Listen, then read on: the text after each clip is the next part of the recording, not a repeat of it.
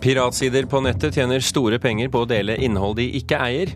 Høyst beklagelig, mener rettighetsorganisasjonen. Komikere har ofte psykotiske personlighetstrekk enn andre, viser ny forskning. Jeg føler meg ikke gal, sier Per Inge Torkelsen, men innrømmer litt sære trekk. Polert på grensen til det parodiske, mener vår anmelder om Ingebjørg Bratlands nye album. Og hva det er han reagerer på, skal du få høre litt senere i Kulturnytt, som du i dag får med Birger Kolsrud Jåsund i studio. Ulovlige strømme- og nedlastingssider tjener nærmere 1,4 milliarder kroner i fjor, hovedsakelig pga. annonseinntekter. Det kommer frem i en ny amerikansk undersøkelse. Helt greit, mener Piratpartiet. Beklagelig, sier Rettighetsalliansen. Nei, det er jo veldig beklagelig at uh, en del mennesker lager uh, piratsider og benytter seg av andres rettigheter ulovlig for å tjene penger. Sier Willy Johansen, styreleder i Rettighetsalliansen. En sammenslutning som arbeider med å stoppe ulovlig fildeling på nettet. Når man eh, får tak i filmer, legger disse ut ulovlig på sider, så er det veldig attraktivt, dessverre, for enkelte å å gå inn og se filmer gratis. Og fordi det fortsatt er attraktivt, tjener ulovlige strømme-, linke- og nedlastingssider store penger. Hovedsakelig på annonseinntekter.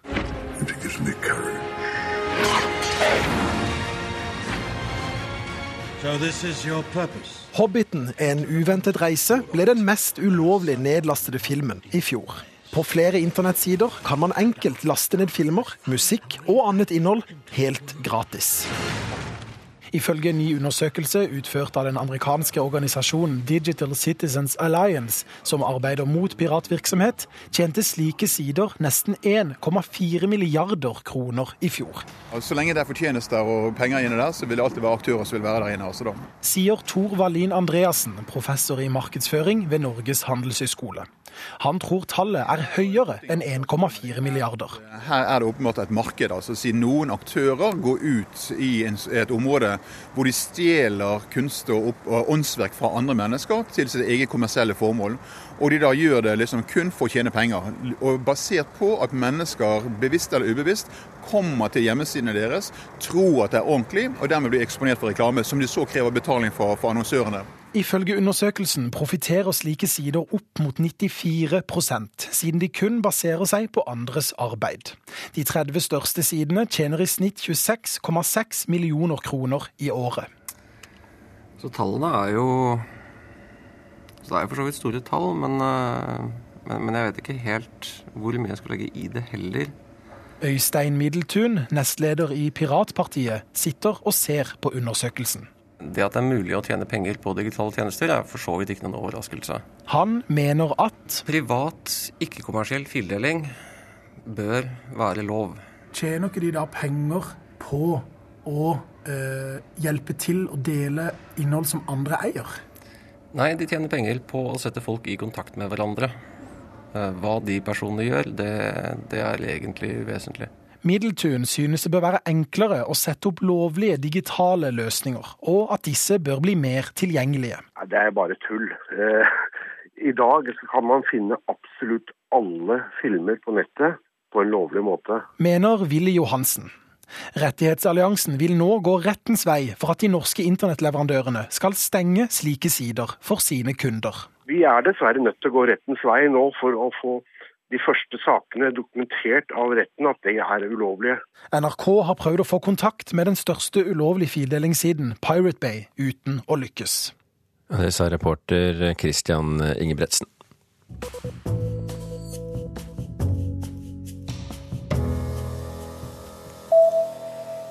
Det internasjonale museumsnettverket Blue Shield er bekymret for at eh, kulturminner i Ukraina skal gå tapt i konflikten som nå pågår.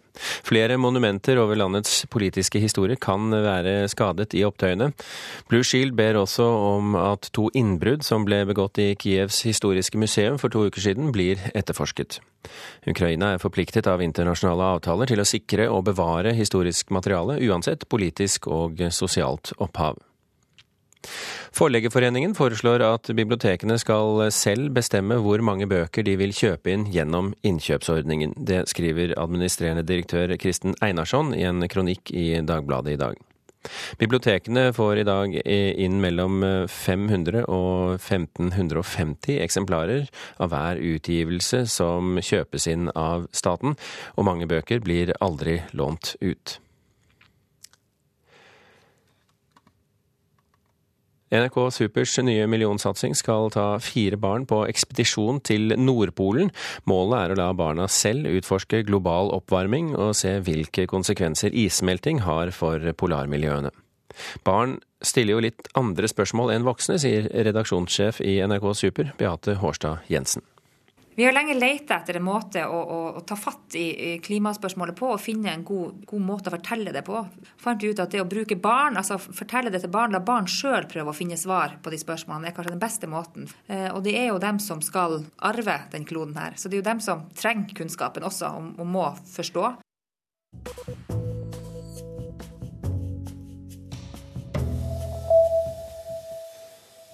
I går kveld var det teaterpremiere i Norge, Sverige og Danmark på likt. Nationaltheatret i Oslo har sammen med Dramaten i Stockholm og Kaféteatret i København laget hvert sitt eh, teaterstykke om nasjonalisme, og teaterstykkene ble streamet slik at publikum fikk eh, se samtidig ved de tre teatrene. Her er noe av det de fikk høre. Om Danmark der gjennom de senere år er blitt et flerkulturelt samfunn. Hør hvordan vi snakker. Hør hvordan vi tenker tanker. Vi er Norge. Verden er vår. Samfunnet en omelett. Skal du få til en omelett, måste du krosse noen egg. Vår hverdag er å krosse egg. Karen Frøsland Nystøyl, kritiker her i eh, Kulturnytt. Først av alt, eh, rent teknisk, klarte de å gjennomføre forestillingen eh, uten problemer? Så å si uten problemer. Jeg satt og tenkte under det første stykket, som var det fra Danmark, at gud, dette her kan vi jo bare gjøre, dette går jo så fint. Og så stopper det opp. Så de, de siste setningene av eh, bidraget fra Danmark de forsvant, i hvert fall for publikum i Oslo. Men ellers så gikk det vel egentlig som en drøm. Så det her er jo et prosjekt som gjerne kan gjentas, i hvert fall hva teknikken angår. Hvis vi ser på innholdet, um Nei, vent litt, jeg må spørre, stille spørsmål til. Fordi at eh, når du ser eh, stykket fra f.eks. Danmark, er det da på en storskjerm mens det foregår ting på scenen i, eh, i Norge, eller hvordan fungerer det? Nei, det er som å sitte på kino, faktisk. Nei, de, de, sender ikke parallelt noen ting, altså?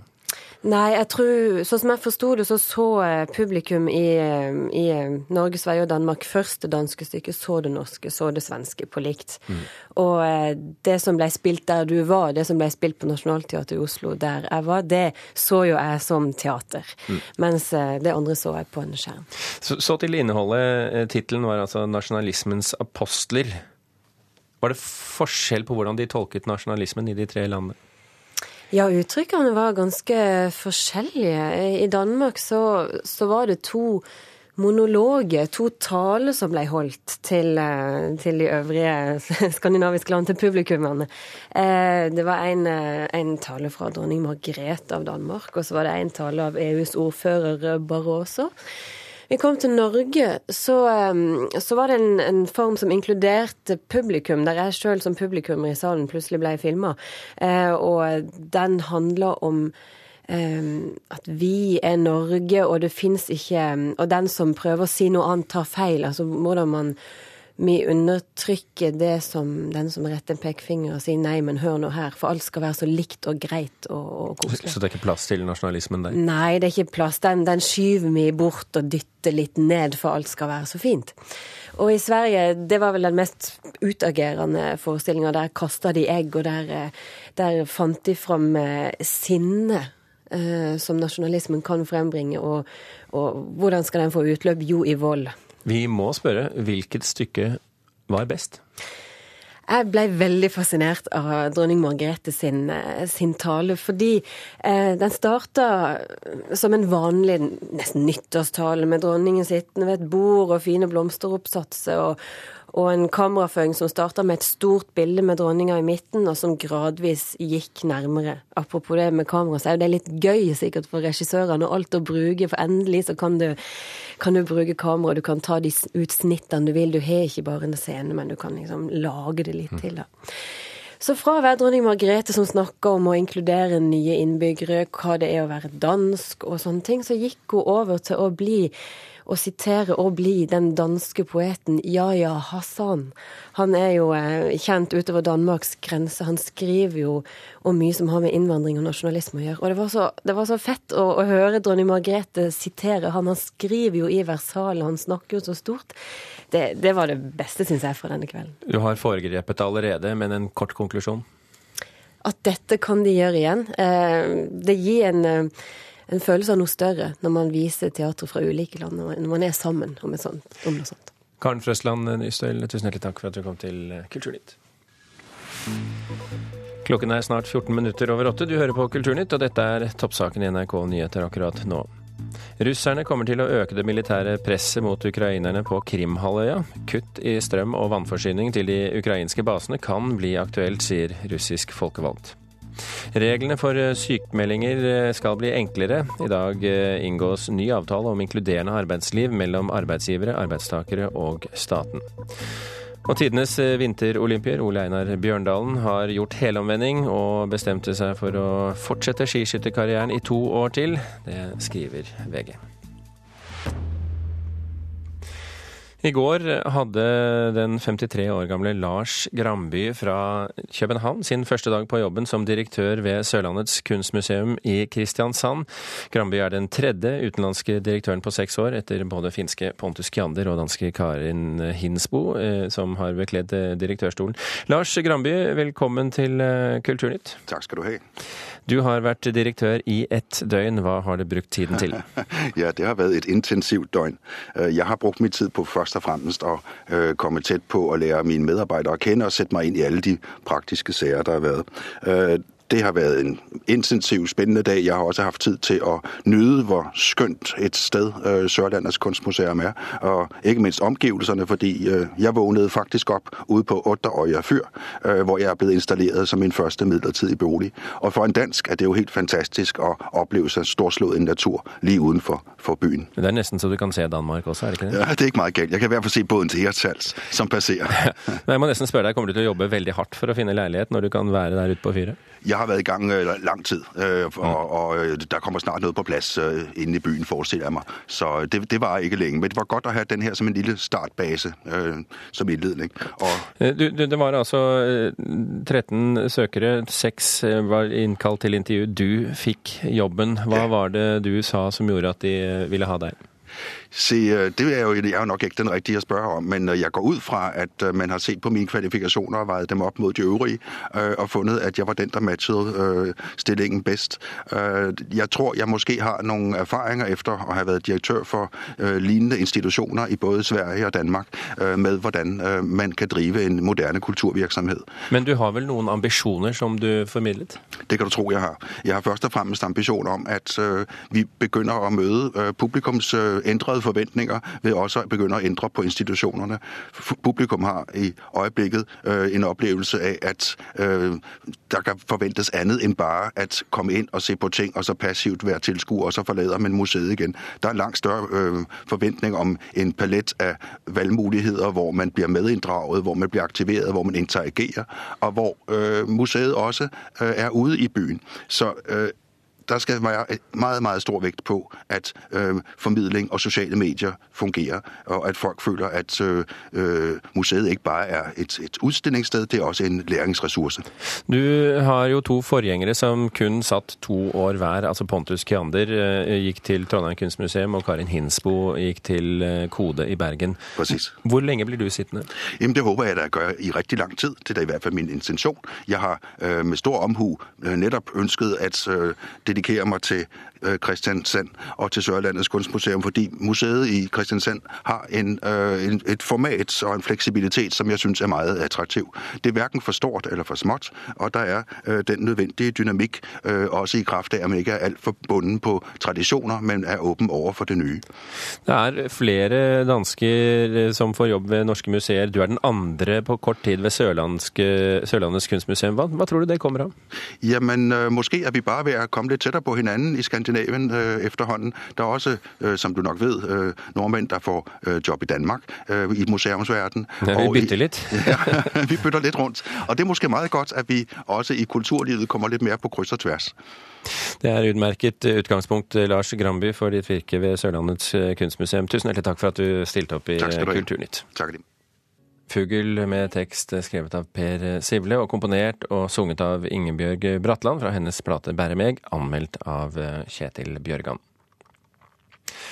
Egyptiske medier vil gå sammen og danne en felles redaktørforening. Aviser og kringkasting i Egypt har gjerne veldig ulike ståsted og støtter ulike politiske fraksjoner. Det har vært et, et, arbeid som har pågått redak med Redaktørforeningen i nærmere tre år, og i morgen så reiser generalsekretær i Norsk redaktørforening Arne Jensen til Kairo for å være fødselshjelp. Arne Jensen, velkommen til Kulturnytt. Takk skal du ha. Hvorfor vil du være med på arbeidet og bidra med et arbeid til opprettelsen av Redaktørforeningen i Egypt? Fordi at Egypt er et nøkkelland i en hel region. Og egyptiske medier kan spille en rolle og utgjøre en forskjell i forhold til hvilken retning Egypt skal utvikle seg i. Det er mange bekymringsfulle trekk rundt utviklingen i Egypt, også når det gjelder mediene og ytrings- og pressefriheten. Og Derfor er det viktig at vi støtter opp om de kreftene som nå prøver å etablere institusjoner som kan, som kan bygge den viktige demokratiske pilaren som, som frie medier er. Så, sånne institusjoner og sånne organisasjoner som dette her er jo en selvfølge i Norge. Hvor spesielt er det at det skjer i Egypt? Ja, Det vil nok være veldig spesielt, fordi eh, egyptiske medier eh, har jo tradisjonelt, eh, som i mange land, vært veldig, veldig delt. Man har, man har, ikke samarbeidet så veldig mye, og det har ikke vært så, så mye tillit og, og, og, og, gjensidig forståelse for hverandre. Fordi at man har, man har stått på, på, hver sin tue politisk og til dels religiøst. Og det har, preget, det har preget tilliten, eller mangel på sådan. Men hvis vi skal være nøkterne, Jensen, hvor sannsynlig er det at dere får det til? Nei, jeg vil ikke gjøre som tidligere landslagssjef Egil Drill Olsen og gi deg et prosenttall, men det er klart det er, en, det er ikke sikkert at dette kommer til å gå bra. Men sett i lys av at dette arbeidet har pågått gjennom en tid som har vært svært krevende Vi må huske på at Egypt er fortsatt et av de farligste landene i verden å være journalist i. Seks journalister ble drept i Egypt i fjor. Det sitter flere journalister fengslet. Noen av dem har sittet fengslet ganske lenge. Og det vil være, en, vil være direkte feil å si at det sittende regimet har vært spesielt positivt innstilt overfor frie og uavhengige medier. Så De redaktørene som nå går sammen, de er jo, representerer en forsamling med meget modige mennesker, og som, og som vil forsøke å få til noe. Hvis de har viljen, og hvis regimet nå ikke strammer til og foretar seg ytterligere brutaliteter, så kan det hende at dette går bra. Men, men det er slett ikke sikkert. Nei. Arne Jensen, vi får ønske både deg og særlig alle de andre lykke til.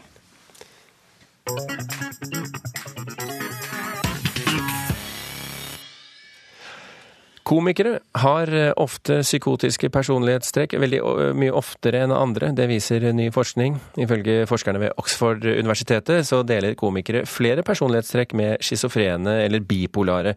Og disse personlighetstrekkene er noe av det som gir komikerne evne til å tenke utenfor boksen, som det heter. Per Inge Torkelsen føler seg derimot ikke syk. Jeg samler på norskproduserte barberblader. Er det friskt, det? Det er iallfall sært, og jeg kan love at det ikke er det beste sjekketrikset. Men, men jeg syns det er greit og kjekt å ha en kjekke samling med norskproduserte barberblader, som jeg koser meg med. Men det er nok veldig mange som vil se på det som på grensen til galskap. Ny forskning viser at komikere har en personlighet som skiller seg fra normalen. Det er påfallende mye likhet mellom tenkemåten til mennesker med psykose og tenkemåten til komikerne. Per Inge Torkelsen er en av de som har skapt seg en karriere av å få andre til å le. Du må gjerne ha evnen til å se ting fra en annen synsvinkel. Og det gjør vel gjerne at du bør være litt kall det annerledes. Men, men, jeg har aldri følt meg gal eller psykisk syk. Snarere tvert imot så føler jeg meg av og til litt for normale. Psykiater Tor Kjetil Larsen er ekspert på psykoselidelser. Altså Som psykiater så tenker jeg at det er to nivåer. Det ene er galskap mer som et sånn åpent begrep eller fenomen. Eh, som et uttrykk for at du tenker annerledes, at du er mer kreativ. Og så har du psykose eller galskap mer som en sykdom som plager folk. Og Der vet jeg ikke om du nødvendigvis kan trekke en klar parallell, da. Men eh, en god komiker vil kunne gå inn og ut av galskap på en måte som en del av humoren, tror jeg. Psykiater Tor Kjetil Larsen mener at evnen til å tenke ukonvensjonelt er noe som kjennetegner morsomme mennesker. Det å ha en åpenhet for å se ting på helt andre måter, det øker risikoen for at du er morsom. Hvis du er veldig firkanta, veldig normal og veldig eh, paragrafryttersk og veldig eh, lite fleksibel, så holder du heller ikke på med mye humor unormale ser jeg på som noe positivt. For jeg er drittlei av folk som bare går i dress og skjorte og slips. Eh, og har samme kontorjobben sin i 40 år, og de er ofte sykt kjedelige. Det hender de går på vinkurs for å prøve å lære å like dyrere viner, men det er det spretneste de gjør. Og jeg vil aldri bli sånn. Altså, Jeg vil ha mine litt sære interesser. Jeg vil ha mine tanker. Jeg vil ha et skråblikk når jeg leser aviser. Så hvis jeg blir definert som galen, så tror jeg jeg vil se på det som positivt. Og reporter her, det var Ina Selmer Andersen. Vi kan ta med til slutt at Europakommisjonen vil lage strengere regler for utviklere av gratisspill. Mange slike spill henvender seg direkte til barn, og de er i utgangspunktet gratis, men spilleren blir lokket til å bruke ekte penger eh, når de skal komme seg videre i spillet. Kommisjonen vil ha slutt på at spillutviklere bruker ordet gratis, og fjerne salgsannonser i spillene, skriver Aftenposten i dag. Og dermed runder Kulturnytt av for eh, denne gang. Lars Tronsmoen, Vidar Sem og Birger Kolsrud Aasund takker for følget.